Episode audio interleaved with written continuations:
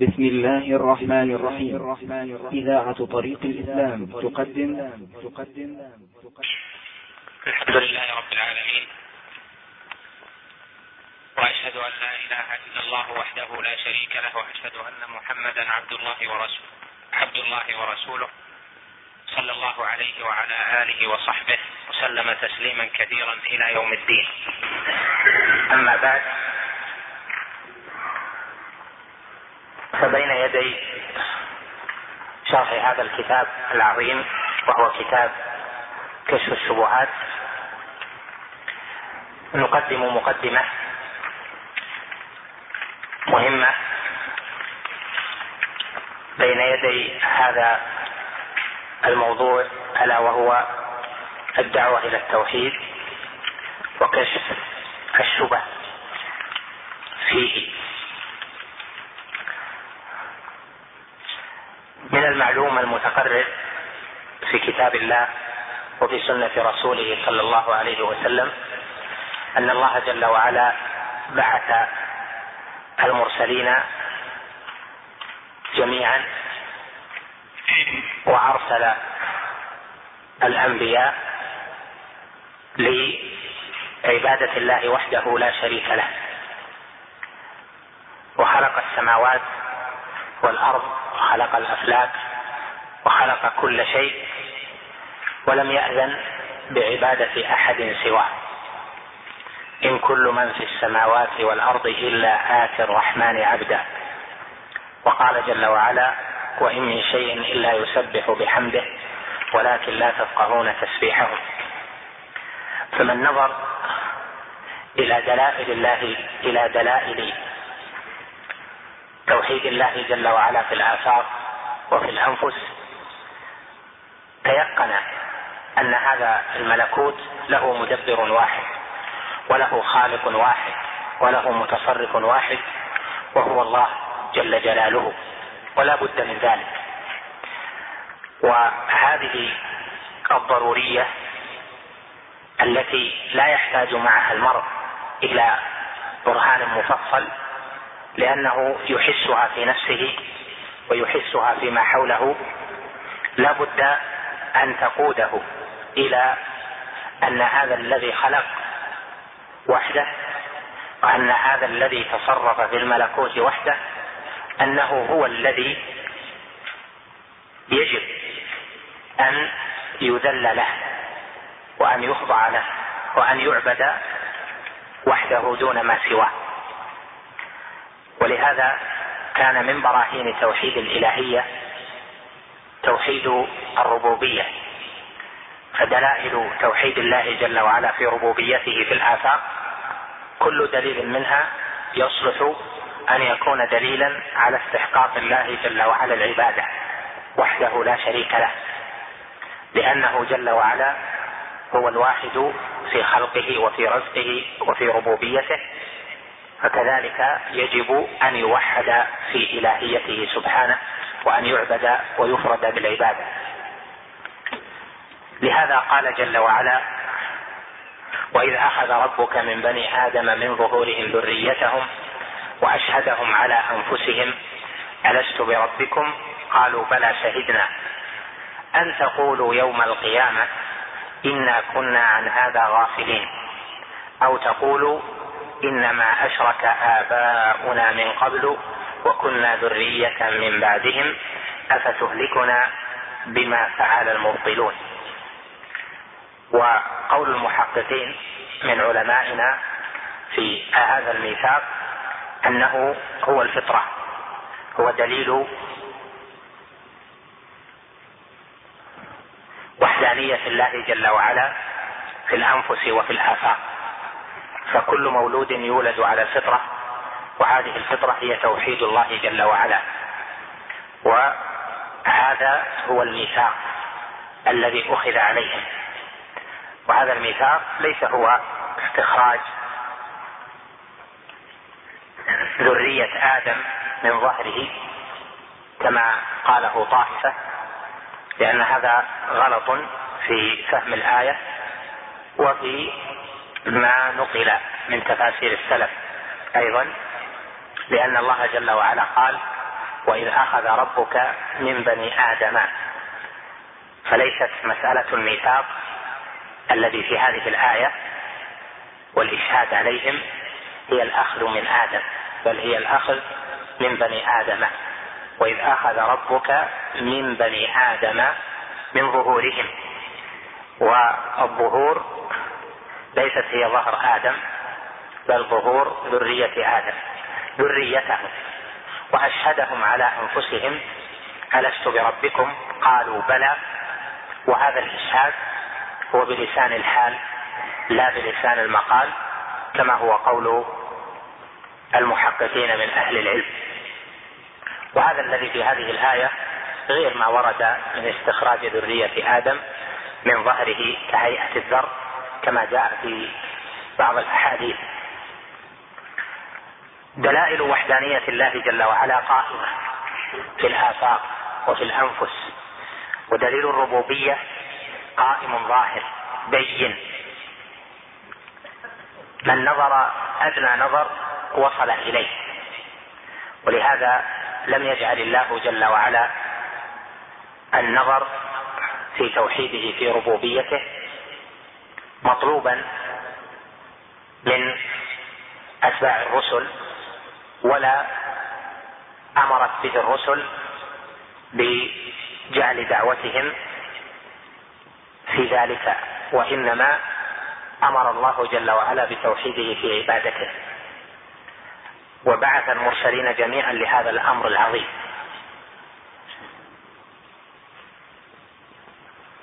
نبه نبه اللي عندك في الصلاه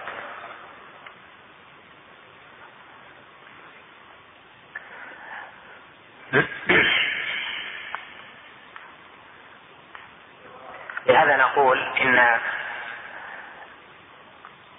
خلكم معي خلكم ولهذا نقول إن دليل وحدانية الله جل وعلا في الربوبية هذا ليس من منهج أهل السنة والجماعة الذي تبعوا فيه طريقة الأنبياء والمرسلين أنهم يفيضون فيه ولا جعلوه غاية كما جعله طائفة من المعاصرين غاية في ذلك.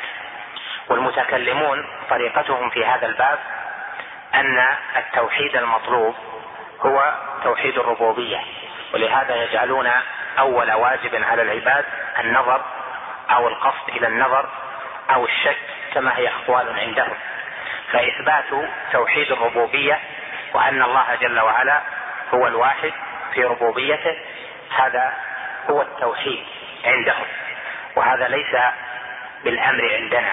ولهذا أتباع الأنبياء والمرسلين الذين قفوا أثر السلف الصالح تجد عندهم من براهين توحيد الإلهية ما فيه التفصيل والتفصيل والكلام المكرر. فيه الذي يعيدون فيه ويبدأون ويكررون لأجل تثبيته وإقامة الحجاج والحجة عليه. أما غيرهم فإنهم يتوسعون في أبواب توحيد الربوبية. ومن عبد الله جل وعلا وحده لا شريك له فتضمن ذلك أنه مقر بربوبيته وحده دون ما سواه. بخلاف من وحد الله في ربوبيته فإنه قد يعبد معه آلهة أخرى. كما فعل أهل الجاهلية فإنهم موحدون في أكثر أفراد الربوبية ولكنهم مع ذلك مشركون. ما قادهم توحيد الربوبية إلى توحيد الإلهية. قال جل وعلا ولئن سألتهم من خلق السماوات والأرض ليقولن الله وقال سبحانه قل من يرزقكم من السماء والأرض أم من يملك السمع والأبصار إلى أن قال في آخر الآية في سورة يونس فسيقولون الله. والآيات في ذلك كثيرة. المقصود من هذا أن غاية بعث الأنبياء والمرسلين هو تحقيق توحيد العبادة وإقامة الحجة فيه وكشف الشبه عنه وإيضاح الدلائل فيه بتفصيل وإيضاح أفراده. ولا يخفى عليكم قول الرب جل وعلا ولقد بعثنا في كل أمة رسولا أن اعبدوا الله واجتنبوا الطاغوت فمنهم من هدى الله ومنهم من حقت عليه الضلالة. الدعوة إلى التوحيد هي ميراث الأنبياء والمرسلين. لكن هذه الدعوة من لم يعشها ولم يتوسع فيها لا يعرف كيف يدعو إلى التوحيد. بل قد يأتي من يظن أنه لا حاجة إلى ذلك. وعبودية الخلق لله جل وعلا التي هي غاية وجود الخلق إنما تكون بأن يدعوا إلى الله جل وعلا بتوحيده وفهم ذلك والعلم به وتطبيقه فإذا هديت الناس إلى أن يوحدوا الله في أقوالهم وأعمالهم وبما تعتقده قلوبهم انبعث ذلك الاعتقاد وذلك التوحيد عن عمل صالح وعن نفس مخبتة منيبة لله جل وعلا. وهذه النفس هي التي تحوز فضل تكفير الذنوب. يا ابن آدم لو بلغت ذنوبك عنان السماء ثم لقيتني لا تشرك بي شيئا لقيتك بقرابها مغفرة. يا ابن آدم لو أتيتني بقراب الأرض خطايا ثم لقيتني لو لا تشرك بي شيئا لأتيتك بقرابها مغفرة. يا ابن آدم إنك ما دعوتني ورجوتني غفرت لك ما كان منك ولا أبالي.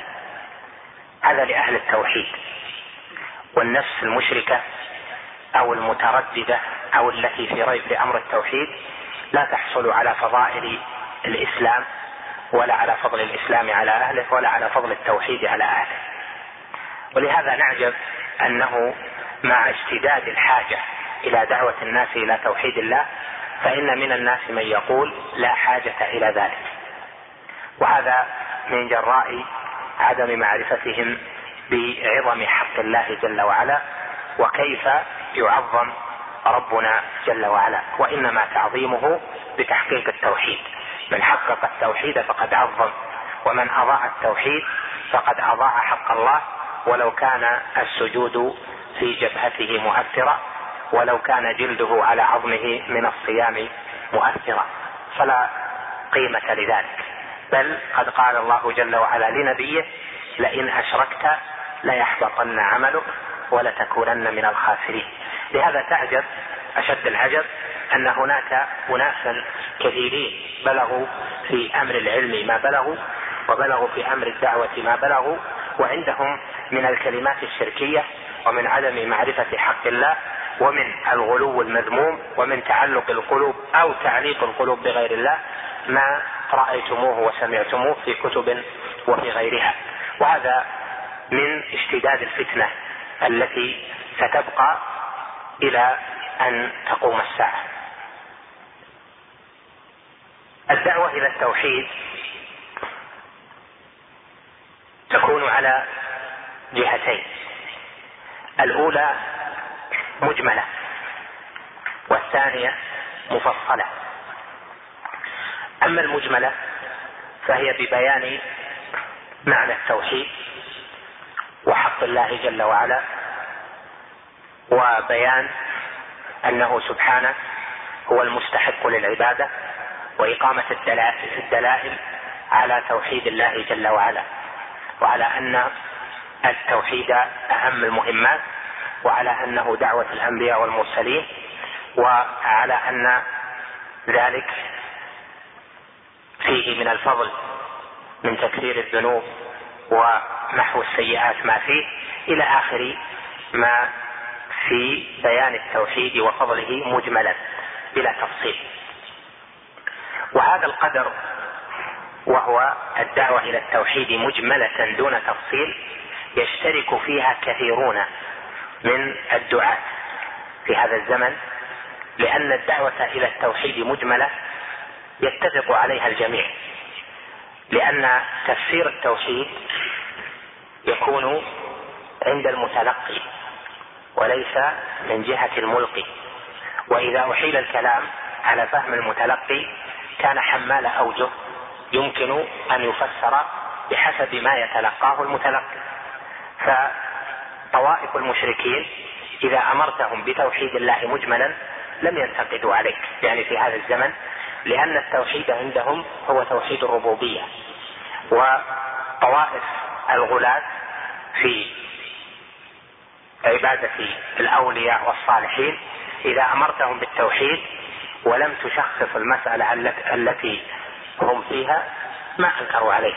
فكثيرون دعوا إلى التوحيد في أماكن فيها قبور للصالحين وتعبد من دون الله ولم ينكر عليهم أحد ممن هم في حضرة تلك المشاهد التي شيدت لعبادتها من دون الله أو مع الله جل وعلا لأنها مجملة. وهذا القدر لا يميز القائل بأنه من أهل التوحيد أو أنه من الدعاة إلى توحيد الله لأن هذا فيه عموم وإجمال والإجمال لا يصلح بقدر إصلاح التفصيل. لكن إن كان الإجمال خطوة في الطريق فإن هذا يكون مناسبا. لهذا قلنا الدعوة إلى التوحيد تكون بإجمال وتكون بتفصيل. فمن أجمل ثم فصل فكان إجماله خطوة لينقل بها الناس أو ليمهد بها لبيان حق الله جل وعلا. ولو كان التمهيد في أسبوع أو أسبوعين أو شهر بحسب الحال التي في بلده فإن هذا مناسب.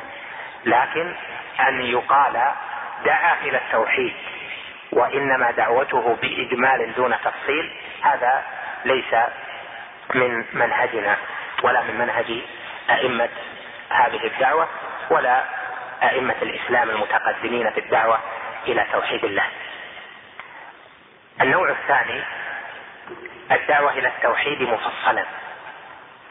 والتوحيد هو إفراد الله بالعبادة وهو تحقيق شهادة أن لا إله إلا الله وأن محمدا رسول الله والتوحيد يكون بإفراد الله بأعمال القلوب وأعمال الجوارح. وأعمال القلوب متنوعة منها المحبة والرغب والرهب والرجاء والخوف والتوكل والإنابة والخشوع إلى غير ذلك من أفراد أعمال القلوب وعبادات القلوب. فمن دعا إلى كل مسألة من هذه مفصلا فإنه دعا إلى مسألة من مسائل التوحيد بتفصيلها. فيتكلم عن الرغب والرهب يتكلم عن التوكل ويتكلم عن المحبة بعلم. فإذا تكلم عن هذه بعلم وفصل على كلام أهل العلم فيها فإنه دعا إلى نوع من أنواع التوحيد مفصلا. هذا من جهة أعمال القلوب وأعظم أعمال القلوب الإخلاص وأن يتوجه القلب إلى الله وحده وألا يكون في القلب من جهة القصد والتوجه إلا واحد وهو الله جل جلاله وتقدست أسماؤه. الدعوة إلى الإخلاص إخلاص الدين وتوحيد القصد والتوجه وأن لا يكون في القلب إلا الله جل وعلا. إذا كانت من طالب علم يضبط الكلام فهذه دعوة مفصلة في توحيد الله جل وعلا. وهذا له تفاصيل. أعمال الجوارح من جهة الصلاة والدعاء والدعاء بانواع الاستغاثة والاستعاذة والنداء إلى آخره. وكذلك الذبح. وما شابه ذلك أخذ كل مسألة منها وبيان إفراد الله جل وعلا بهذه العبادة. هذا من الدعوة إلى التوحيد مفصلا. تأخذ الدعاء فتبين الدعاء ما هو. ومعنى الدعاء والآيات التي فيه وإفراد الله جل وعلا بالدعاء إلى آخره. كذلك تأخذ الاستغاثه والآيات اللي فيها وإفراد الله جل وعلا بها ووجوب ذلك وما جاء في هذا وكذلك تأخذ بقية المسائل الذبح والنذر إلى آخره. كذلك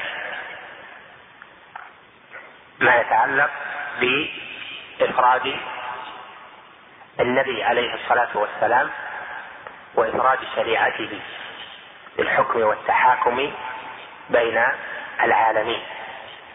هذا نوع من أنواع توحيد الله جل وعلا أو فرد من أفراد التوحيد. فالدعوة إليه مع غيره هي طريقة أئمتنا وعلمائنا.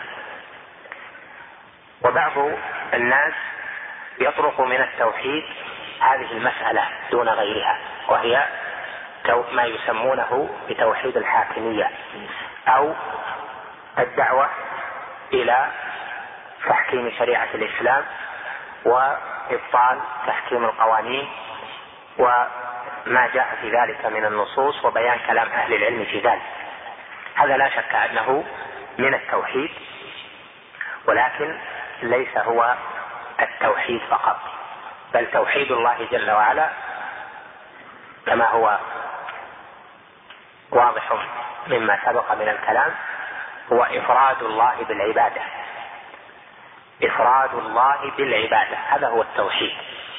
وهذه من التوحيد لأنها تحقيق لشهادة أن محمدا رسول الله. فأهل التوحيد يدعون إلى هذه جميعا.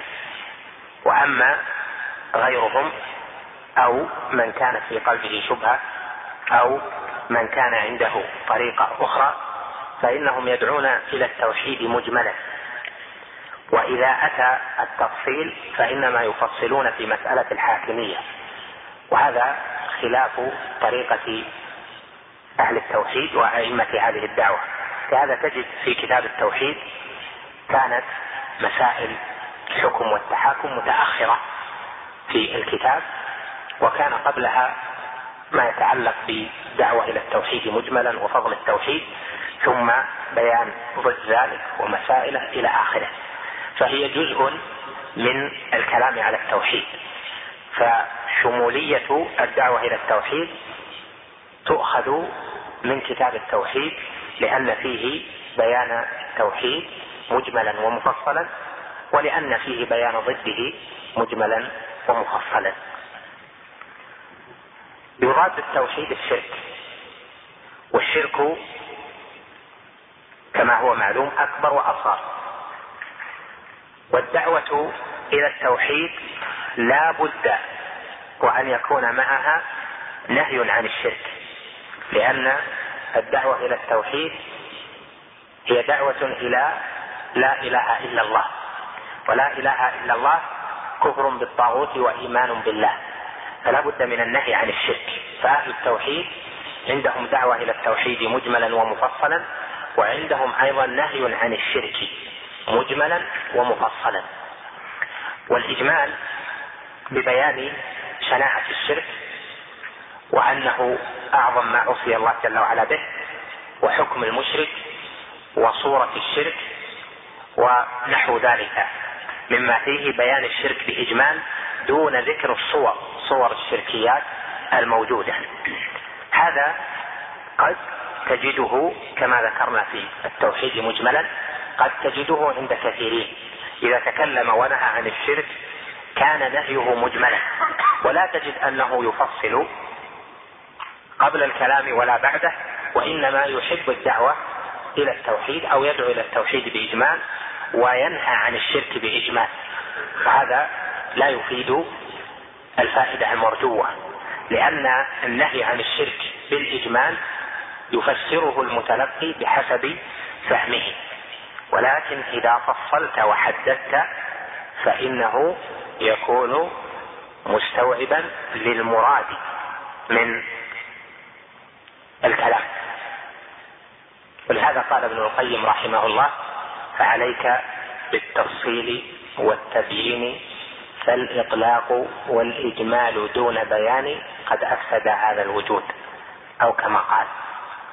الإجمال موجود في الكتاب والسنة ولكنه إجمال وثم تفصيل له. فمن اقتصر على الإجمال دون التفصيل فهو على غير السبيل. فالنهي عن الشرك مجملا عرفته؟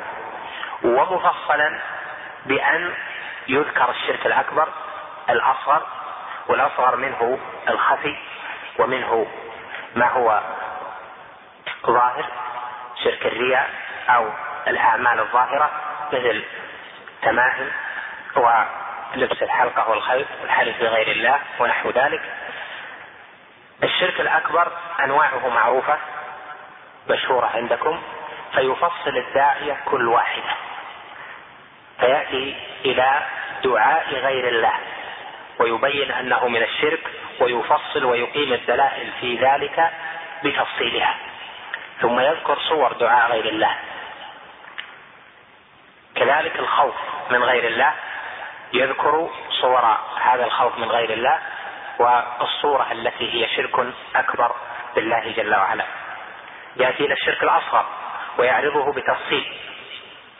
التمائم يدخل أو يكون الكلام عليها يحتاج إلى جلسة أو جلستين أو خطبة جمعة أو خطبتين أو ثلاث لأن صور التمائم كثيرة. قد تقول للناس إن التمائم شرك وتأتي بالحديث في ذلك لكن لا تبين للناس صورة التمائم فهذا يقع فيه كثيرون ممن ينهون مجملا عن الصورة. ولا يفصلون الكلام عليه. الناس لا يتصورون المراد بالتمائم إلا بالصور التي كانت في الجاهلية قديمة لكن الصور الحاضرة اليوم التي تجدها في الشوارع وفي كثير من البيوت لا يتصور انها من الشرك الأصغر وهم ربما عملوها ونظروا إليها واستأنسوا لها. فلا بد أن يكون ثم تشخيص للصوره الشركية وإعطاء الصور الكثيرة بتفصيل لهذه المسألة الشركية. هذه هي الدعوة إلى التوحيد والنهي عن الشرك مفصلة. تأخذ الشرك شرك الرياء أيضا تفصل الكلام فيه. تأخذ الذبح لغير الله وتفصيل الكلام فيه. النذر لغير الله وتفصيل الكلام فيه. تأخذ شرك الألفاظ من نسبة النعم لغير الله جل وعلا وتفصل الكلام فيه.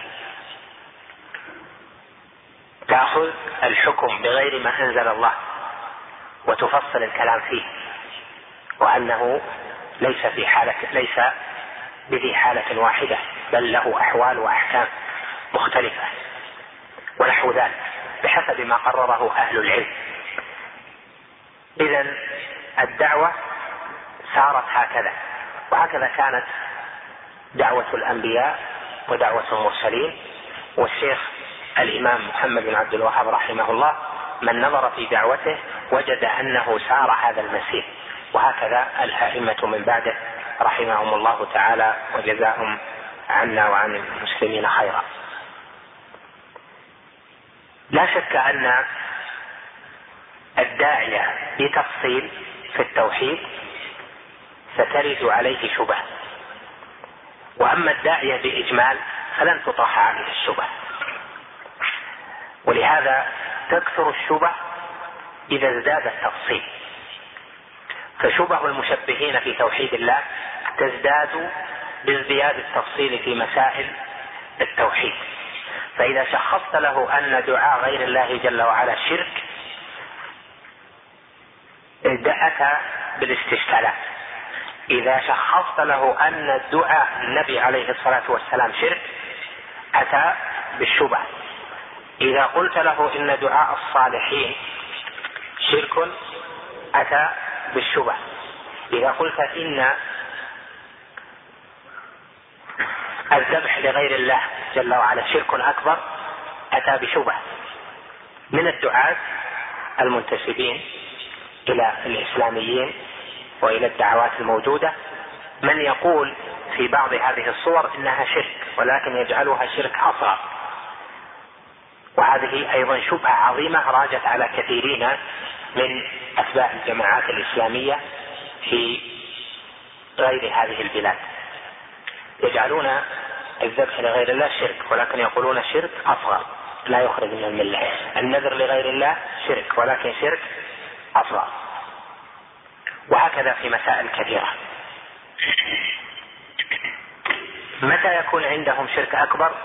يأتي لك بالشبه التي تطعن فيما قررت من توحيد الله جل وعلا والنهي عن الشرك مجملا ومفصلا في النوعين. فبقدر فهمك للتوحيد ونهيك عن الشرك مجملا ومفصلا ترد الشبهات. والشيخ رحمه الله الإمام محمد بن عبد الوهاب رحمه الله لما دعا بدعوته مجملة ومفصلة جاءته الرسائل والكتب وكتبت الأوراق ونشرت المناشير في زمنه في تضليله وإيراد الشبه على أقواله. ولأجل كشف تلك الشبه التي كانت رائجة في عصره في وقت ما صنف رسالة كشف الشبهات التي نحن بين يدي شرحها. والشبهات ليست مقتصرة على ما أورده الشيخ بل تجد أن الشبهات في التوحيد كلما ذهبت إلى بلد وجدت عند علماء الشرك والضلال من الشبهات ما ليس عند غيره. والشبهة ترد على القلوب وقد تؤثر فيها ولو بالتردد ولو أن تجعل من سمعها مترددا في داخله. وهذه مصيبة. ان تاتي الشبهه ولن يقتنع بها لكن في داخله يكون مترددا. وهذا تجده عند كثيرين حتى من المنتسبين للعلم في الجامعات أو ممن درسوا دراسات عصرية في هذا العصر حتى في هذه البلاد من أهل الفطرة. تجد عندهم عدم قناعة بالشرك ولا بالنهي ولا بالدعوة إليه وعندهم قناعة بضده وبالتوحيد ولكن في القلب تردد. بعض التردد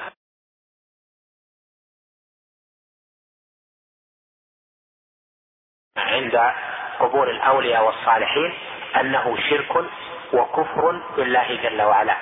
ويعظم التردد إذا قلت لهم ما قاله الإمام رحمه الله في رسالة كشف الشبهات هذه إن شرك المعاصرين في زمن الشيخ وفي هذا الزمن من جهة المتعلقين بالأولياء والأموات ونحو ذلك أعظم من شرك أهل الجاهلية. يعظم التردد ويعظم لأجل ورود الشبهات. ومن الشبهات كيف يقال ذلك؟ وهؤلاء مسلمون يصلون ويزكون ويحجون. وقد ترى على بعضهم أثر السجود وأثر الطاعة والزهادة والبكاء من خشية الله جل وعلا. فتعظم الشبهة ويبقى من لم يكن متحصنا بالتوحيد دائم التكرار له في تردد في هذا الأصل العظيم. أنتم ولله الحمد في هذه البلاد قد ما تلاحظون أو قد ما تحتاجون إلى كثرة رد الشبهات. لكن من كان في غير هذه البلاد يجد الصدام هديفا يجد أن المواجهة إنما هي مع هؤلاء. فالمواجهة مع أهل الشرك والضلال. من سافر منكم إما أن يكون سافر للدعوة فسينظر وسيحاج وسيدعو بإجمال وتفصيل فترده الأقوال والأعمال والغرائب.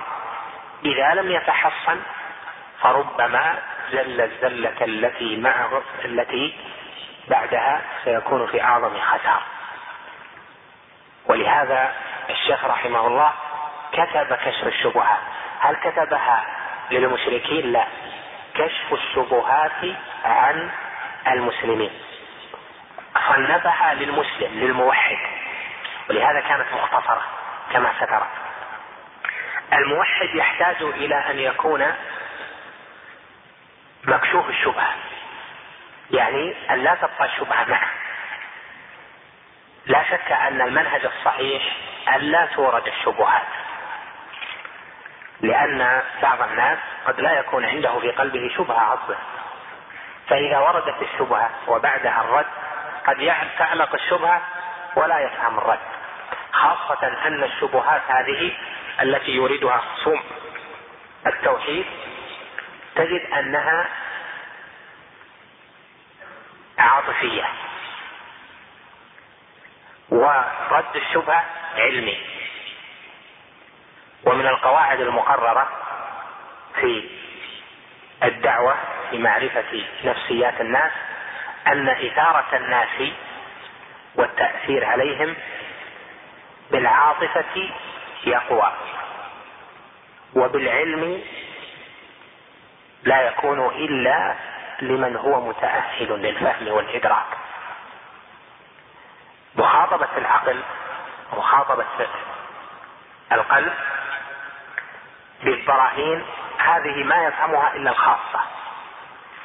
أما العاطفة الهياجة والأخذ بالعواطف وبالمد والجزر وبتحريك النفوس دون البرهان هذا يقلب النفوس ويؤثر عليها أعظم. ولهذا ليس من المنهج الصحيح أن يستفاض في ذكر الشبهات ويرد عليها. لأن الشبهات قد تعلق في القلوب لأن كثيرا من الشبهات مبناها على العاطفه كقول من يقول هؤلاء الذين تحكمون عليهم بالشرك مصلون موحد مصلون مزكون يعبدون الله وحده. ومع دعوا استقلالا هذه هذه الاموات وعندهم خشية وتلاوة القرآن هذا يختم كل ثلاث وهذا يصوم يوم ويفطر يوم وهذا كثير الصدقة وهذا كثير العمل وهذا مجاهد وهذا فعل للاسلام ما فعل إلى آخر الكلمات التي تحرك بها العواطف البرهان لا يفهمه إلا من كان عقله مستعدا لقبول البرهان. وكما هو القانون العام أن البراهين لا تصلح إلا لذوي العقول أما العواطف فتصلح للجمهور. هذا واضح لكن من الأمثلة اللي قد آه، نمثل بها أن خطبة خطيب ما يخطب في موضوع وعظي مثلا يتكلم فيه بكلام ليس بذي أدلة في الشرع. بكلام مشاهدات أو بكلام عام وخوف وروع والكلام نصفه أو أكثر من نصفه غلط في الشرع. كم الذين سيتأثرون بهذا الوعظ الذي حرك العواطف؟ وهذا الخطيب واعظ جيد ويحرك النفوس. كم الذين سيتأثرون؟ الأكثرون سيتأثرون. والقلة سيقولون هذا خلاف العلم هذا غلط. فلان غلط. والشرع والوعظ لا بد أن يرتبط بالشرع. وهكذا. لكن هؤلاء سيتأثرون. لما؟ لأن أكثر الناس جهال حتى الشباب ليس كل الشباب في مستوى واحد من العلم وإدراكات العلوم. فقد يقنعون بمسائل العلم خلافها. وخاصة في مسائل التوحيد. وهذا الكلام ليس مخاطبا به أهل هذه البلاد وإنما نرجو أن ينتشر الكلام فيها وفي غيرها. لهذا أعظم ما يعتني به طالب العلم والشاب الذي رغب فيما عند الله جل وعلا وتوجه إلى الله وحده وتجافى عن دار الغرور وضحى بما يشتهيه ويلتذ له بما عند الله جل وعلا نتوجه إليه بأن يكون همه في دراسة هذا الأمر العظيم هما عظيما. ولن يدرك إلا إذا أكمل. في البدايات لن يدرك لكن إذا أكمل عرف أنه على خطر. إن لم يتابع ويتابع ويتابع. أحد مشايخنا الذين قرأت عليهم في التوحيد مرة قال له أحد طلاب العلم أو بجنبه وكان يريد أن نقرأ كما هي العادة رسائل الشيخ محمد بن عبد الوهاب وأئمة الدعوة. قرأت مرة وكررت. فقال هذه سمعناها وكررناها فمن غضبه وكذا وكذا يعني فيها مباشرة الحرارة ظهرت في وجهه وكذا هذا وهذا طالب علم أيضا. وكان بجنبه وأنا كنت أمامه. وهذا ما يستقيم مع كل نفس لكن مع النفس التي عرفت عظم حق الله جل وعلا بهذا الأمر العظيم. لأنه إذا ما كرر نسي. لهذا في هذا الكتاب في كشف الشبهات في أواخره قول الشيخ رحمه الله بعد أن قرر مسائل قال وبمعرفة هذا يعني ما تقدم ذلك الكلام. تعلم أن قولهم التوحيد فهمناه من أكبر مصائد الشيطان. وهذا لا شك أنه حاصل حاصل. وتأمل قول الله جل وعلا مخبرا عن دعاء إبراهيم واجنبني وبني أن نعبد الأصنام. قال العلماء خاف على نفسه. وهو إبراهيم خليل الله. خاف على نفسه عبادة الأصنام وخاف على بنيه قال إبراهيم التيمي في تفسيرها ومن يأمن البلاء بعد إبراهيم؟ إذا كنت لا تأمن البلاء فلا بد أن تضع حماية قوية وسور منيع أن يتطرق إليك ذلك. بعضهم يقول هل يعني ممكن أن إحنا يعني نعبد أعوذ بالله الأوثان والأصنام؟ نقول ربما لم يكن ممكنا بفضل الله وبنعمته في جيلك. ولكن تساهلك عشرين في المئة بعد زمن يتساهلون عشرين ثم تصل إلى مرحلة لا تتواصى فيها الأجيال على الحفاظ على التوحيد. وخذ مثلا من الأمثلة فيما شاهدت لنفسي وذكرته لبعض الإخوان مرة أنه في مكان قريب من الدار التي أسكنها مرة بعد صلاة الظهر إذا بأحد البيوت اللي بنيت حديثا إذا بواحد بل اثنين من الباكستانيين يذبحون عند عتبة الباب خروف والدم يسيل بشدة على العتبة.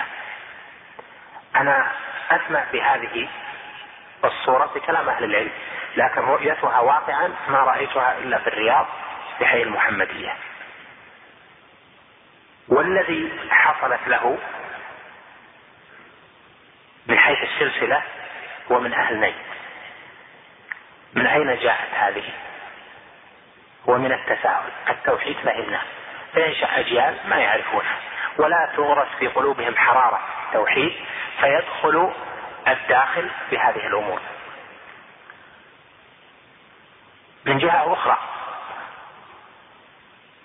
من جهة ما يوجب الخوف أنه قد لا يكون من الحاضرين من يتوجه إلى غير الله والعياذ بالله يعني من هذا الزمن في هذه البلاد. ولكن بعد زمن يمكن أن يكون ذلك لأن الله جل وعلا ما أعطى أهل هذه البلاد ولا غيرهم عصمة. أهل الجزيرة في عهد النبي عليه الصلاة والسلام أسلموا ثم حصل من بعضهم ردة. لكن قد يكون شيء وهو المصيبة وفتش نفسك وهو التردد في قبول ما قاله العلماء في مسائل التوحيد. وهذا يعرض على كثير من القلوب. يتردد الله هذول مشددين. بدأ بدأ النقص. الله المسألة أبد العلماء هنا في هذه الشدة. هنا بدأ النقص الفعلي وإذا تردد القلب ولم يكن على علم ويقين بحق الله جل وعلا بالتوحيد وبالحكم على المشرك بأنه مشرك وعلى الصورة الشركية بأنها شرك فبداية التردد هذه يكون معه القلب في ريب. يكون يتعبد ويتعبد ولكن القلب ليس بسليم. فيه تردد في هذا التو في هذا الأمر العظيم. وهذا دخل على قلوب كثيرين. وحرك ترى. نخلص من هذا إلى أن هذه الرسالة كشف الشبهات فيها أصول أصول الشبهات التي كانت رائجة في ذلك العصر في زمن من دعوة الشيخ رحمه الله. لكن ليست الشبهات محصورة فيها.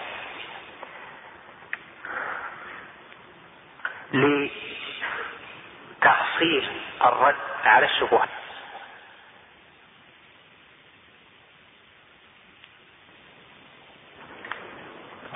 التوسع في فهم حال أهل الجاهلية الذين بعث النبي عليه الصلاة والسلام فيهم. كيف كان شركهم؟ وما كانت أحوالهم في العبادة وفي الديانة؟ منهم. ما هي أصنامهم؟ ما هي أوثانهم؟ عبدوا الملائكة كيف عبدوها؟ عبدوا الجن كيف عبدوها؟ بل كانوا يعبدون الجن. أكثرهم بهم مؤمنون. في آية سبع. كيف كيف كانت عبادة الجن؟ لا بد لمن أراد أن يكون قويا في رد الشبهات أن يتوسع أولا في معرفة حال العرب في الجاهلية. بعباداتهم المختلفة. ما هي آلهتهم؟ ما هي اعتقاداتهم؟ إلى آخره. وهذه يخدمك فيها طائفة من الكتب منها كتاب بلوغ العرب في معرفة أحوال العرب للأديب الموحد محمود شكري الألوسي. بلوغ العرب في معرفة أحوال العرب.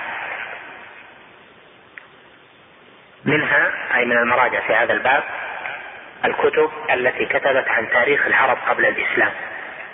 المفصل في تاريخ العرب قبل الإسلام كتاب تاريخ العرب قبل الإسلام كتب أديان العرب في عدد ممن بحثوا أديان العرب إلى آخره. فالتوسع في فهم ما كان قبل مجيء محمد بن عبد الله عليه الصلاة والسلام بهذا النور وهذا الهدى يفهمك الحالة الدينية التي كانوا فيها. ما هو الشرك الذي كانوا يمارسونه؟ لأنك إذا عرفت الحال عرفت معنى الآيات عرفت معنى قول النبي أقوال النبي عليه الصلاة والسلام. عرفت معنى دعوته؟ وتهتم بأشعار العرب فيما ورد في ذلك لأن كثيرا من الصور جاءت في الشعر شعر العرب. النوع الثاني من المراجع كتب التفسير. عند الآيات التي فيها ذكر الشرك أو الأمر بالتوحيد أو ذكر أهل الجاهلية من الأميين أو الكتابيين. الآية تنظر ما قاله السلف فيها لأن المتأخرين من المفسرين صرفوا الآيات عن تفاسير السلف. لأن المتأخرين عندهم أن التوحيد وعبادة غير الله هي باعتقاد أن الخالق هو غير الله. وأما تفاسير السلف فتجد أنها بخلاف ذلك. الأصنام والأوثان ما هي؟ المتأخرون يفسرونها بتفسير والمتقدمون السلف يفسرونها بتفسير آخر. ولهذا ترى أن الشيخ الإمام محمد بن عبد الوهاب رحمه الله توسع في فهم تفاسير السلف فهو في التفسير في آيات التوحيد حجة فقد توسع توسعا يعلمه من طالع كتاباته في التفسير.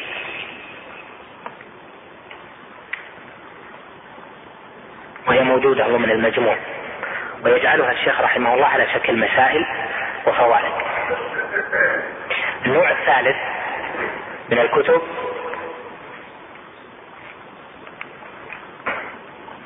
كتب شيخ الإسلام ابن تيمية وابن القيم.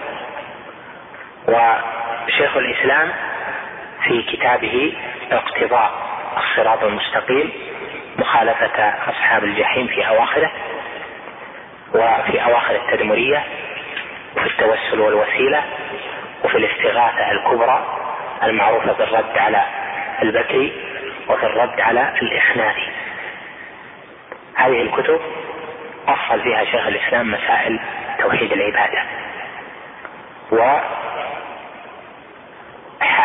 المشركين الذين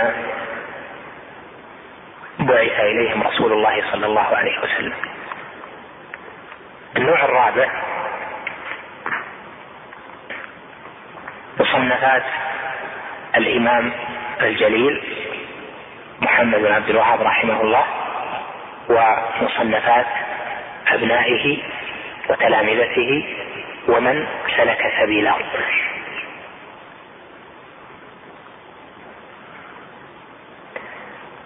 النوع الخامس فتاوى علمائنا المعاصرين. سماحة الشيخ عبد العزيز وبقية العلماء حفظهم الله. بهذا التسلسل يكون عندك وضوح في رد الشبهات. أما إذا عكست فتكون تعرف التوحيد ولكن لا يكون عندك ملكة في رد الشبهات. وهذه الكتب التي ذكرنا منها كتب مخصصة في رد الشبهات وهي كتب الردود. منها عند شيخ الإسلام الرد على البكري وهو كتاب عظيم في هذا الباب. ومنها في كتب أئمة الدعوة. الرد على عثمان بن منصور للشيخ عبد الرحمن وللشيخ عبد اللطيف وكذلك الرد أو كشف الشبهات وكفر تارك التوحيد مفيد المستفيد للشيخ وغير هذه من الكتب التي فيها ردود. ولغير علماء هذه البلاد أيضا. فكتب الردود تلخص عندك الشبهات وتلخص الرد. قد كلفت بعض الإخوة أو اقترحت عليه بالأصح أن يكون عنده جمع لنفسه للشبهات التي يحتج بها الخصوم حتى يكون هناك مؤلف في الشبهة وفي ردها لنشرها عند إخواننا الذين يدعون إلى توحيد الله في الأمصار جميعا. ولكن كثرت وبعضها فيه طول في ردها فصار آه، من جراء الجمع شبه كثيرة قد ما تكون حضرت في بعض البلاد. فارجئ الموضوع بعض الشيء. لأن بعض الشبهات في بلد قد ما تكون عند بلد أخرى. قد يجي واحد يأخذ الشبهة ويرد عليها في بلد ثاني فتدور شبهة جديدة لا يعرفها أهل تلك البلاد. فاذا يهمنا في هذا الأمر وهو كشف الشبهات أن تتوسع إذا أردت يعني هذا بعطيك إياه إن شاء الله تعالى في الشرح لكن تتوسع في فهم حال العرب قبل الإسلام فإنها من أنفع الأشياء. ولهذا من الأغلاط العظيمة التي يندد بها أئمة الدعوة قول من يقول إن هذه الآيات التي تذكرون وهذه الأحكام إنما هي في المشركين وليست في هؤلاء. ويرد عليهم بما قاله العلماء بأن الحال هي الحال. لتتبعن سنن من كان قبلكم. قلتم والذي نفسي بيده كما قال أصحاب موسى لموسى اجعل لنا إلها كما لهم آلهة. فما أشبه الليلة بالبارحة. هذا يتوارد لأن الأفكار محدودة. شبهات الشيطان ليست لا حد لها محدودة. فيتوارثها الناس. جيل بعد جيل. نختم هذه المقدمة ببيان أن هذه الرسالة ثم تردد في شرحها عندي. وذلك لأجل أن مستوى الحضور متفاوت. وتفاوت هذا يحرج الملقي المتكلم من جهة أن مستوى الكلام قد يفهمه البعض وقد لا يفهمه بعض آخر. وإذا لم يفهم رد الشبهة قد تبقى الشبهة عنده بلا رد. وهذا فيه حرج. لكن نوصي الجميع بأن يدرسوا كتاب التوحيد دراسة مفصلة حتى يستفيدوا من هذه الرسالة. ومن لم يدرس كتاب التوحيد دراسة مفصلة بدقة فقد يكون ورود بعض الشبهات وورود الرد عليها يكون عنده غير واضح. وهذا لا نريده لأننا نسير في منهجية في طلب العلم والأصل أن كشف الشبهات يكون بعد كتاب التوحيد. ولما كان حضور كثيرين منكم بل الأكثر معنا في كتاب التوحيد سواء الشرح الكامل اللي تم في الدورة وربما حضروه أو سمعوه وكذلك الشرح الذي في فتح المجيد ونحن الآن في أواخره. هؤلاء يمكن أن ينتقلوا إلى هذه الرسالة. وغيره من رغب في الحضور فلا بأس لكن إن أحس أن الشبهة تبقى والرد غير مستوعب فيؤمر بأن لا يحضر. ولو كان درس توحيد لأنه يحصل عنده إشكالات. والردود سترون أنها تكون مفصلة. إلا إذا أخذنا بشيء. هذا نستشيركم فيه وهو أن يكتفى بتوضيح مراد الشيخ. لأن الشيخ رحمه الله رد بردود تناسب المتوسطين. فإذا اقتصرنا على إيضاح ما أو ما ذكره الشيخ رحمه الله فهذا يقصر مدة شرح الكتاب ويسهل الفهم ولكن لا يكون الانتفاع به عاما في غير هذه البلاد. لأن من الشبهات ما يحتاج إلى تفصيل وإلى تقعيد وإلى إحياء روح رد الشبه في نفوس إخواننا.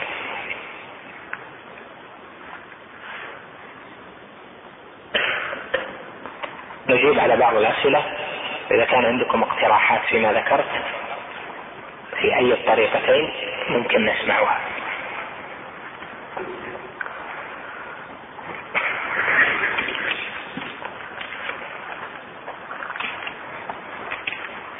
يقول أرجو أن لا يطول الدرس في هذا الكتاب المختصر عن عام يعني سنة. طيب جزاك الله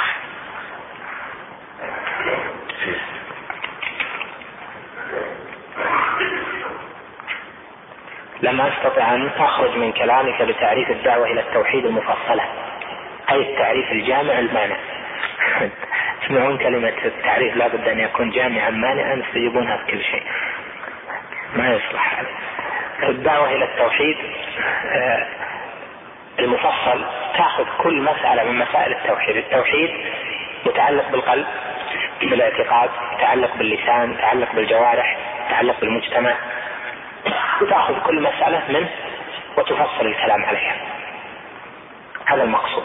مثل ما مثلت لك تكلم عن التوكل الخوف من الله جل وعلا المحبة الرجاء الرغب الرهب ونحو ذلك من عبادات القلوب الإخلاص.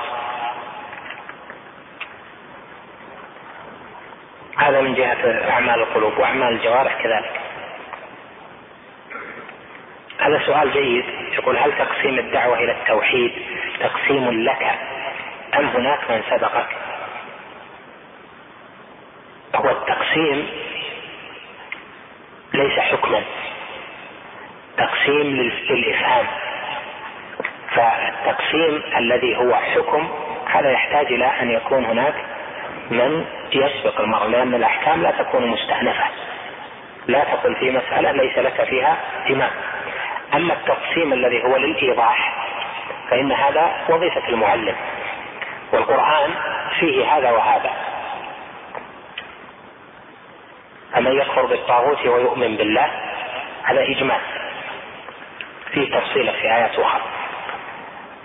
النبي عليه الصلاة والسلام أجمل وفصل.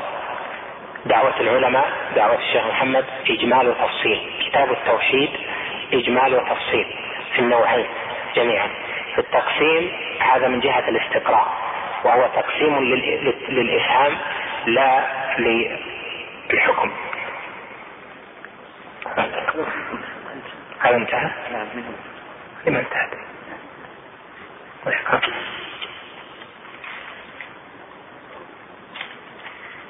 كيف هذا؟ كم مدة الدرس ساعة؟ إيش معنى؟ شوف إيش معنى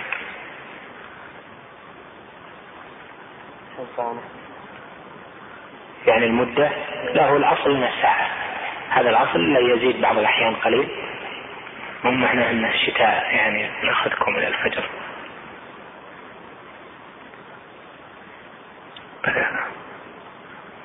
طبعا بعض الخطوط ما هي واضحة. هل بيان الشبهات للعامة والرد عليها أسلوب من أساليب حفظ التوحيد وصيانته؟ لا. مثل ما ذكرت لكم الشبهة لا تورد. الشبهة بلاء وردها دواء.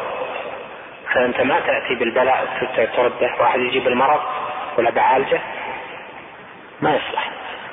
فالشبهة لا توردها وليست هي من من المجالات التي يتعالم فيها بعض الناس. يجي واحد يقول الشبهة هذه يشترد عليها؟ كيف؟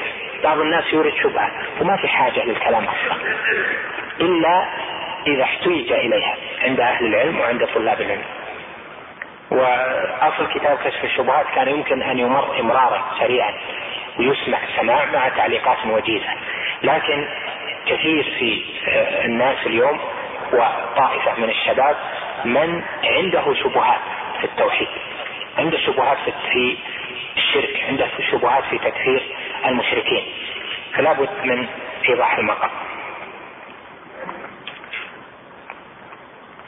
طيب يقترح أن يكون ثم شرحان شرح موجز وشرح مفصل.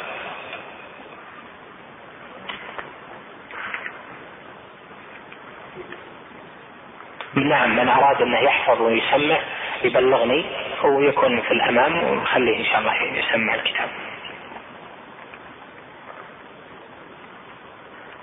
هل هناك مفهوم قاصر للتوحيد؟ فإني سمعت أحد الإخوة في كلمة له يقول لا نفهم التوحيد بالمفهوم القاصر. ما أدري يعني إيش مراده بالكلمة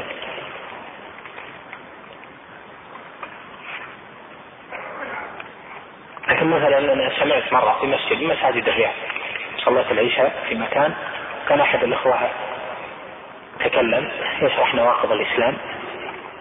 بدأ في في أولها وعرض للتوحيد في في كلمتين يعني الشرك بالله اللي هو عبادة غير الله. ثم ربع ساعة يتكلم عن تحكيم القوانين وغيرها. ما أدري يعني مش مناسبة هذا. هل هذا المنهج صحيح؟ اولا الجواب إنه غير صحيح. لأن تحكيم القوانين مثلا في هذه البلاد الناس ما عندهم محاكم وضعية قانونية يتوجهون إليها في خصوماتهم. حتى تقول لهم انتبه لا تذهب إلى هذه المحاكم. إنما يجب أن تقر في قلوبهم الاعتقاد بوجوب تحكيم شرع الله وأن تحكيم غير شرع الله جل وعلا كفر بالله جل وعلا بشروطه. لكن هم بحاجة إلى أنواع من التوحيد مفصلة أخرى توكل الآن اصاب ما أصابه في المحبة محبة الله جل وعلا والرغب فيما عنده الإخلاص المتابعة. هذه هي مسائل التوحيد اللي الآن نحاجة إليها. أنواع الشرك الألفاظ. تروح حتى بعض طلبة العلم تجد عنده من شرك الألفاظ ما يستغرب. تجد نسبة النعم لغير الله. فلان ما شاء الله حالي هذا لولا فلان كان رحمة. إيش الكلام؟ هذا كلام أهل التوحيد لولا فلان رحمة وأين الله جل وعلا؟ أين فضل الله؟ يعرفون نعمة الله ثم ينكرونها. هذا فلان فعل وفعل وفعل. هذا لو فلان راح لكذا لحصل كذا وكذا. مثل هذه الكلمات. صار في هناك خلل. الناس بحاجة إلى تبيين التوحيد المفصل وإيضاحه والاستدلال عليه. الشمولية مطلوبة وكل يعطى ما يناسبه. فكونه يتكلم عن بعض مسائل التوحيد في دقيقة ويجي ربع ساعة في الكلام على مسألة أخرى هذا يفهم منه أن المقصود ليس هو إفهام الناس التوحيد بشموله وإنما التركيز على نقطة منه وهذا أصول. تدرج في كتب العقيدة إلى آخره يطلب من ما ذكرنا في آه، مقدمة لأحد الدروس سجلت بعنوان المنهجية في طلب العلم. كم مقدار الحفظ؟ هذا بحسب المقطع. تاخذ مقطع متكامل ما أدري بحسب الوقت. مقطع متكامل وتشوف يعني آه، مناسبته لتكوين درس. قد نزيد عنه وقد ننقص. نود الفرق بين الإشكال والشبهة. الإشكال شيء يرد على فهم الكلام لكن الشبهة شيء يرد يصرف الحكم إلى غيره. الشبهة ترد تقول الحكم ليس هو كذا بل كذا. أما الإشكال مع بقاء الأصل تقول أنا مقتنع بكذا وكذا لكن إشكال يراد أن يجاب عنه. فالإشكال من الموافق والشبهة من غير الموافق. هل الكتيبات التي أمامكم للتوزيع هنا اللي بياخذ كشف الشبهات بعد ما ننتهي من الدرس؟ ياخذها هل سيعاد شرح كتاب التوحيد؟ الله أعلم.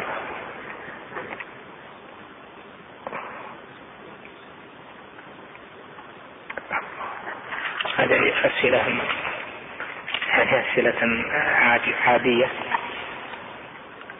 هل يكفي قاعدة لهذا الدرس حفظ الأصول الثلاثة وشرحها؟ لا. الأصول الثلاثة سهلة. هذا الشيخ عبد الرزاق عفيفي رحمه الله. آه، ذكرت له مرة كان يتكلم في كشف الشبهات وأسأل عن بعض الأشياء. فقال كشف الشبهات رسالة صغيرة لكن هي أصعب كتب الشيخ محمد. عبد الوهاب هذا صحيح. ولذلك هي النهاية.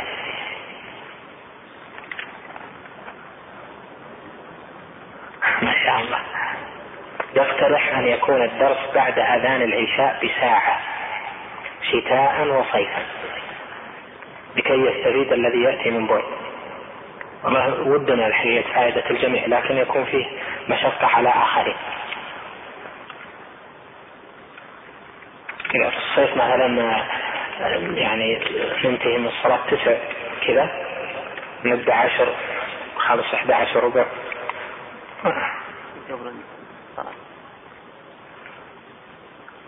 هذا يقترحون انه يكون مختصر على ما أورد الشيخ بس هذا ممكن انه إذا اقتصرنا على ما أورد الشيخ ممكن انه يكون آه، يعني ثلاثة أشهر.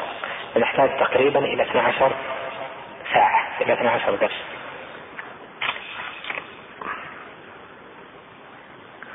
هذا بالعكس يطلب الاسهاب هذا حيرتونا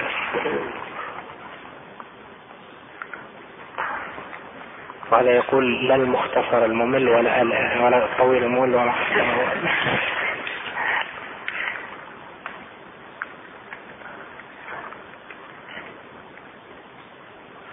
طيب. أيضا هذا يقول نريد فترة من الزمن حتى نتمكن من يحضر من بعد.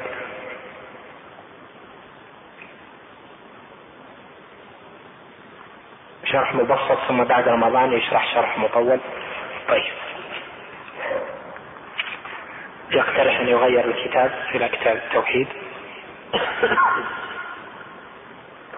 بعض المناهج الدراسية الجامعية تذكر الشبهات في علوم القرآن وغيرها. هذا صحيح ما في شيء. لأنهم طلاب علم يحتاجون إلى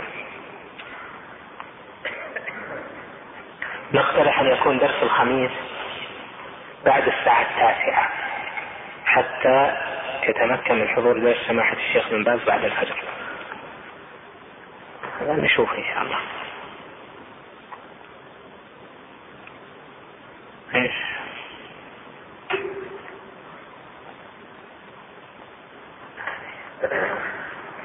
سأل عن الرواتب بعد الصلوات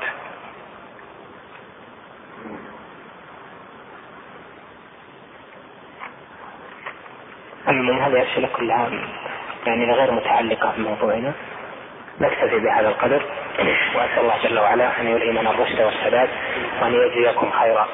صلى الله وسلم على نبينا محمد. طيب. طيب. بسم الله الرحمن الرحيم. قال شيخ الإسلام محمد بن عبد الوهاب رحمه الله تعالى بسم الله الرحمن الرحيم. وبه نستعين. أعلم رحمك الله أن التوحيد وافراد الله بالعباده وهو دين الرسل الذي أرسلهم الله به إلى عباده فأولهم نوح عليه السلام. أرسله الله إلى قومه لما غلوا في الصالحين ودا وسواعا ويغوث ويعوق ونسرا. ود ودا وسواعا ويغوث ويعوق ود ود وسواع ويغوث ويعوق ونسرا. وآخر رسل محمد صلى الله عليه وسلم. قالوا في الصالحين ود يعني هذه بدل من الصالحين. أما إذا عرفت لفظ الآية فهو كما قلت. ود وسواع ويغوث ويعوق ونسرا وآخر الرسل محمد ونسر. ونسر. وآخر الرسل محمد صلى الله عليه وسلم هو الذي كثر صور هؤلاء الصالحين أرسله الله إلى قوم يتعبدون ويحجون ويتصدقون ويذكرون الله كثيرا ولكنهم يجعلون بعض المخلوقات وسائط بينهم وبين الله ويقولون نريد التقرب بهم إلى الله ونريد شفاعتهم عنده مثل الملائكة وعيسى وأمه واناس غيرهم من الصالحين. بس. هذا ما يشتغل. واحد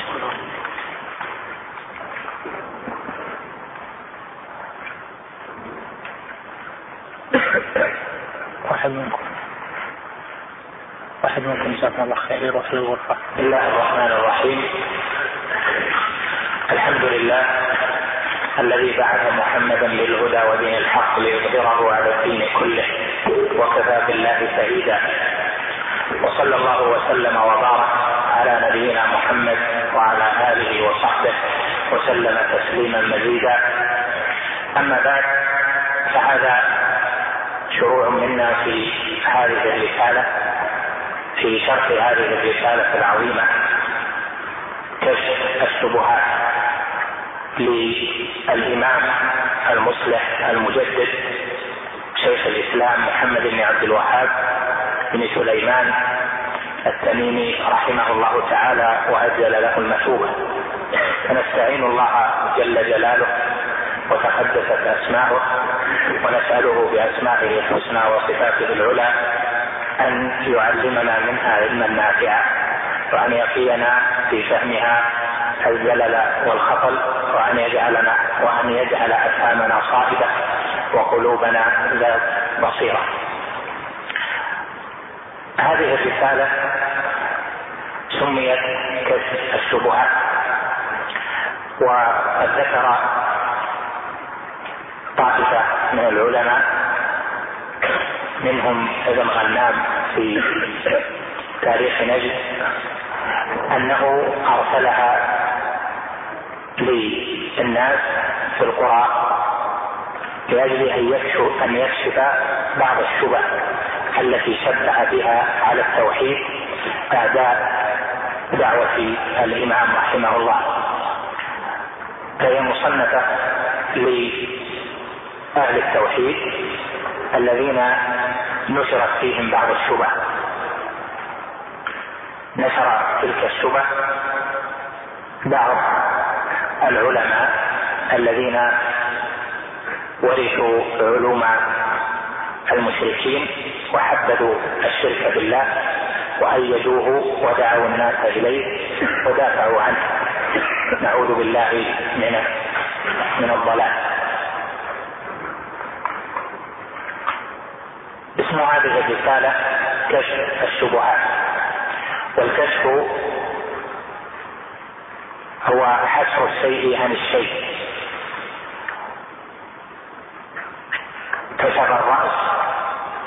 يعني حسره حسر ما عليه حتى ظهر. وكشف البأس إذا أزاله. وهذه المادة في القرآن كثيرة. فلما كشفنا عنهم السوء فلما كما قال جل وعلا في الآية الأخرى ويكشف السوء ويجعلكم خلفاء الأرض ليس لها من دون الله كاشفة ونحو ذلك. فالكشف بمعنى الإزالة. والشبهات جمع شبهة وهي المسألة التي جعلت شبها بالحق. لأن الحق عليه دليل بين واضح. والشبهة سميت شبهة لأنها مسألة من مسائل العلم أورد عليها أصحابها بعض الأدلة التي يظنونها علما.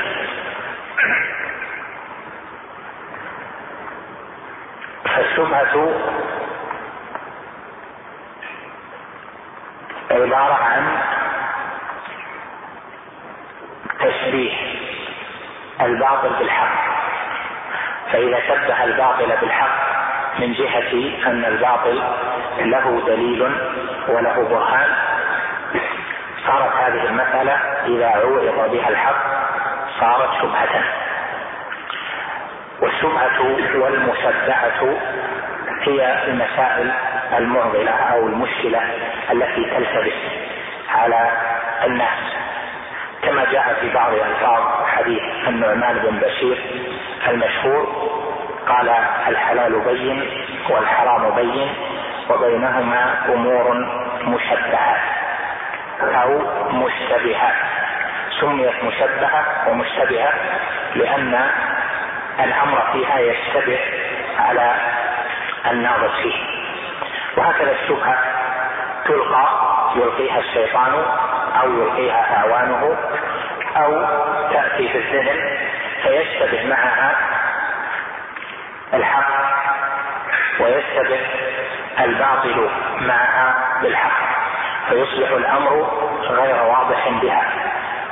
ولا شك أن إزالة الشبهات وكشف الشبهات من أصول هذا الدين لأن الله جل وعلا رد على المشركين في القرآن ودحض شبهاتهم واقوالهم قال جل وعلا والذين يحاجون في الله من بعد ما استجيب له حجتهم داحضة عند ربهم وعليهم غضب. وكل من يجادل بالباطل له حجة وله علم لكن حجته داحضة.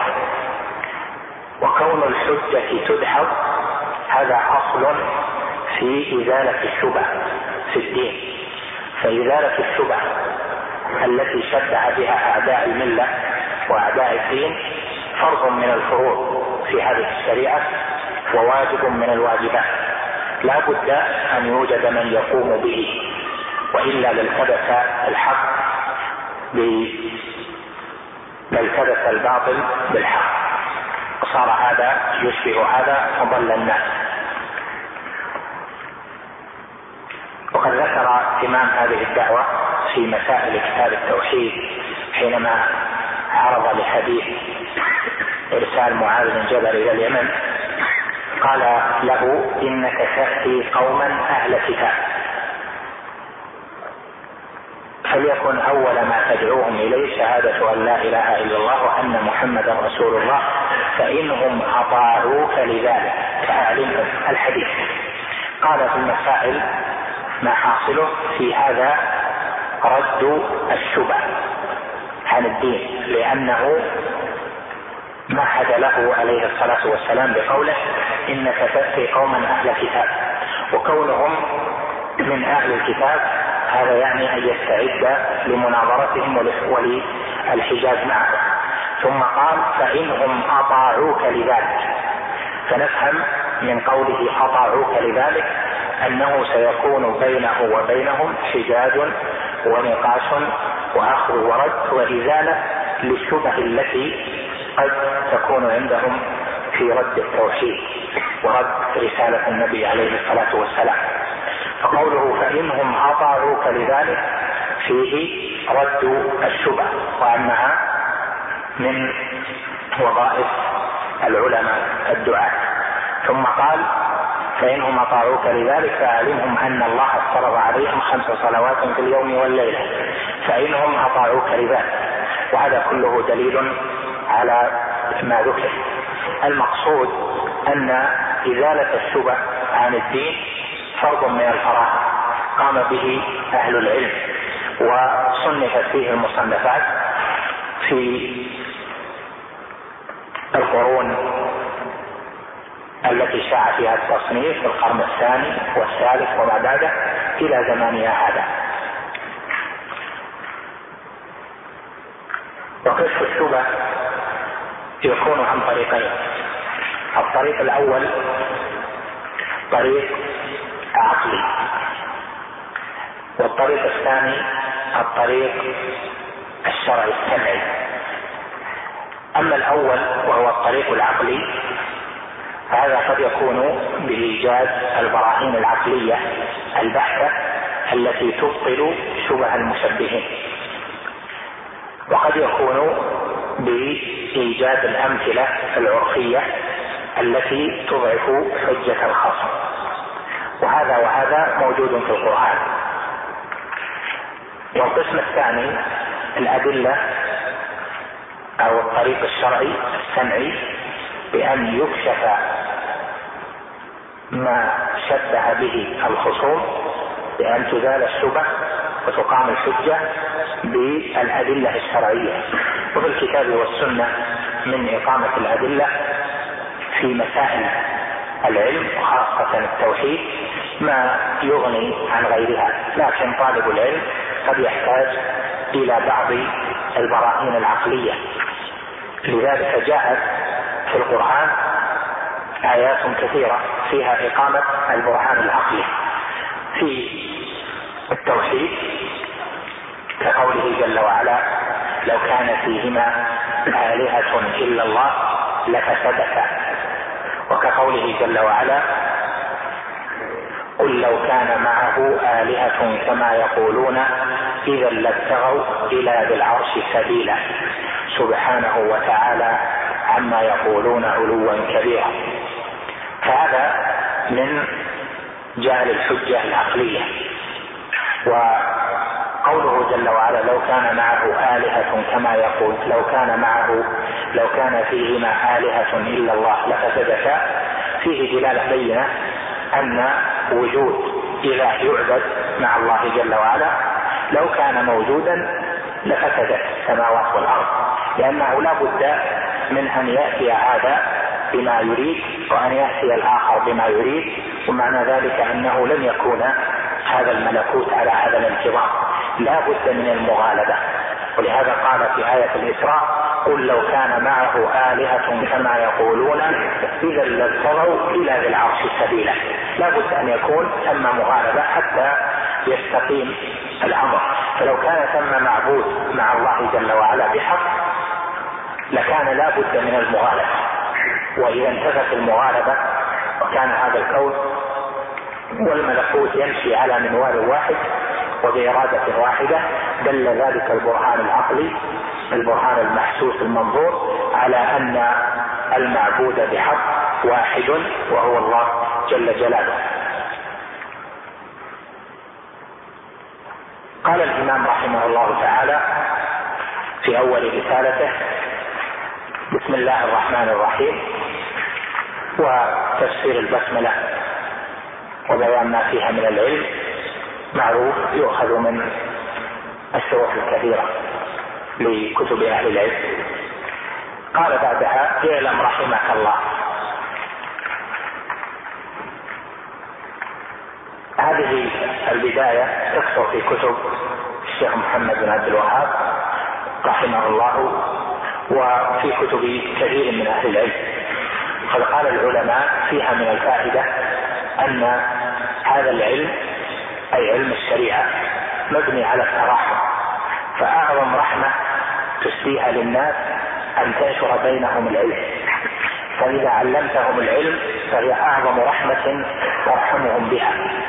ولهذا كان محمد بن عبد الله عليه الصلاة والسلام مبعوثا رحمة للعالمين كما قال جل وعلا وما أرسلناك إلا رحمة للعالمين فالشريعة كلها عقيدة وأحكاما خبرا وأمرا ونهيا رحمة وبعثة محمد بن عبد الله عليه الصلاة والسلام رحمة فكل تشريع رحمة وكل إخبار اعتقاده رحمة بالعبد لأنه إن لم يعتقد الخبر فإنه سيضل وذاك هلاك وإنقاذ الناس من الهلكة رحمة بهم وإن لم يتبع الأمر والنهي ولم يفعل ما أمر به وينتهي وينتهي عما نهي عنه فإنه قد سعى في فساد نفسه وما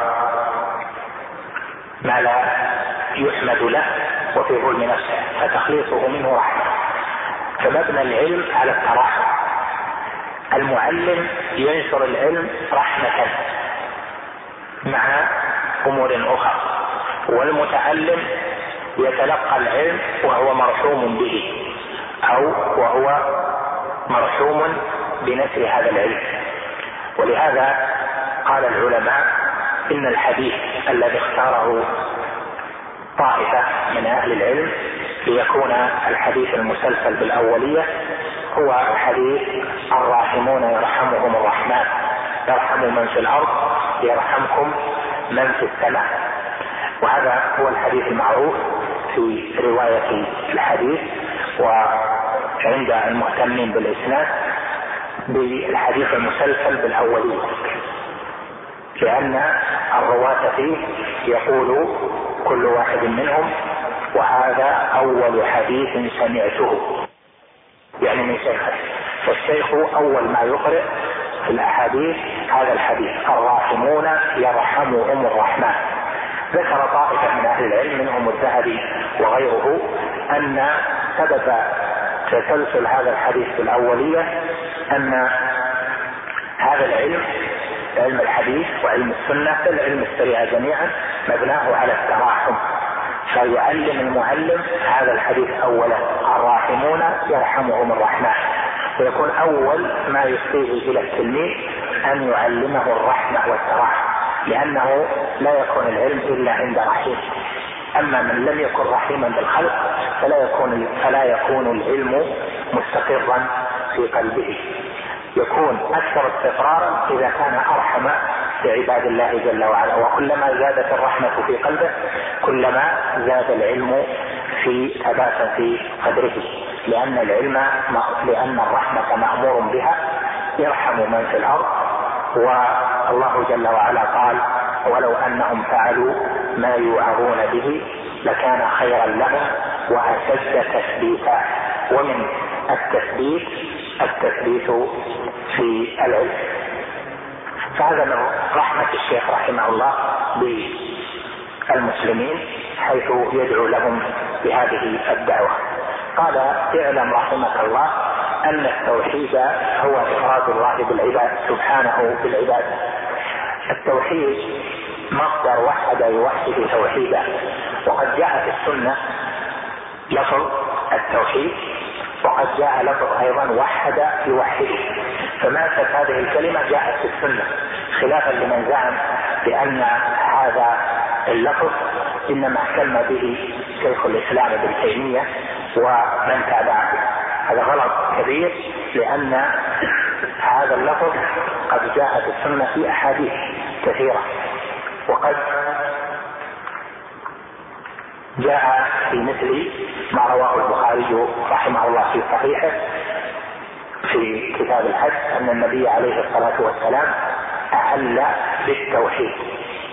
وثبت أيضا في مسلم وفي غيره أن النبي عليه الصلاة والسلام قال بني الإسلام على خمس على أن يوحد الله. وفي حديث جبريل أيضا المعروف. قال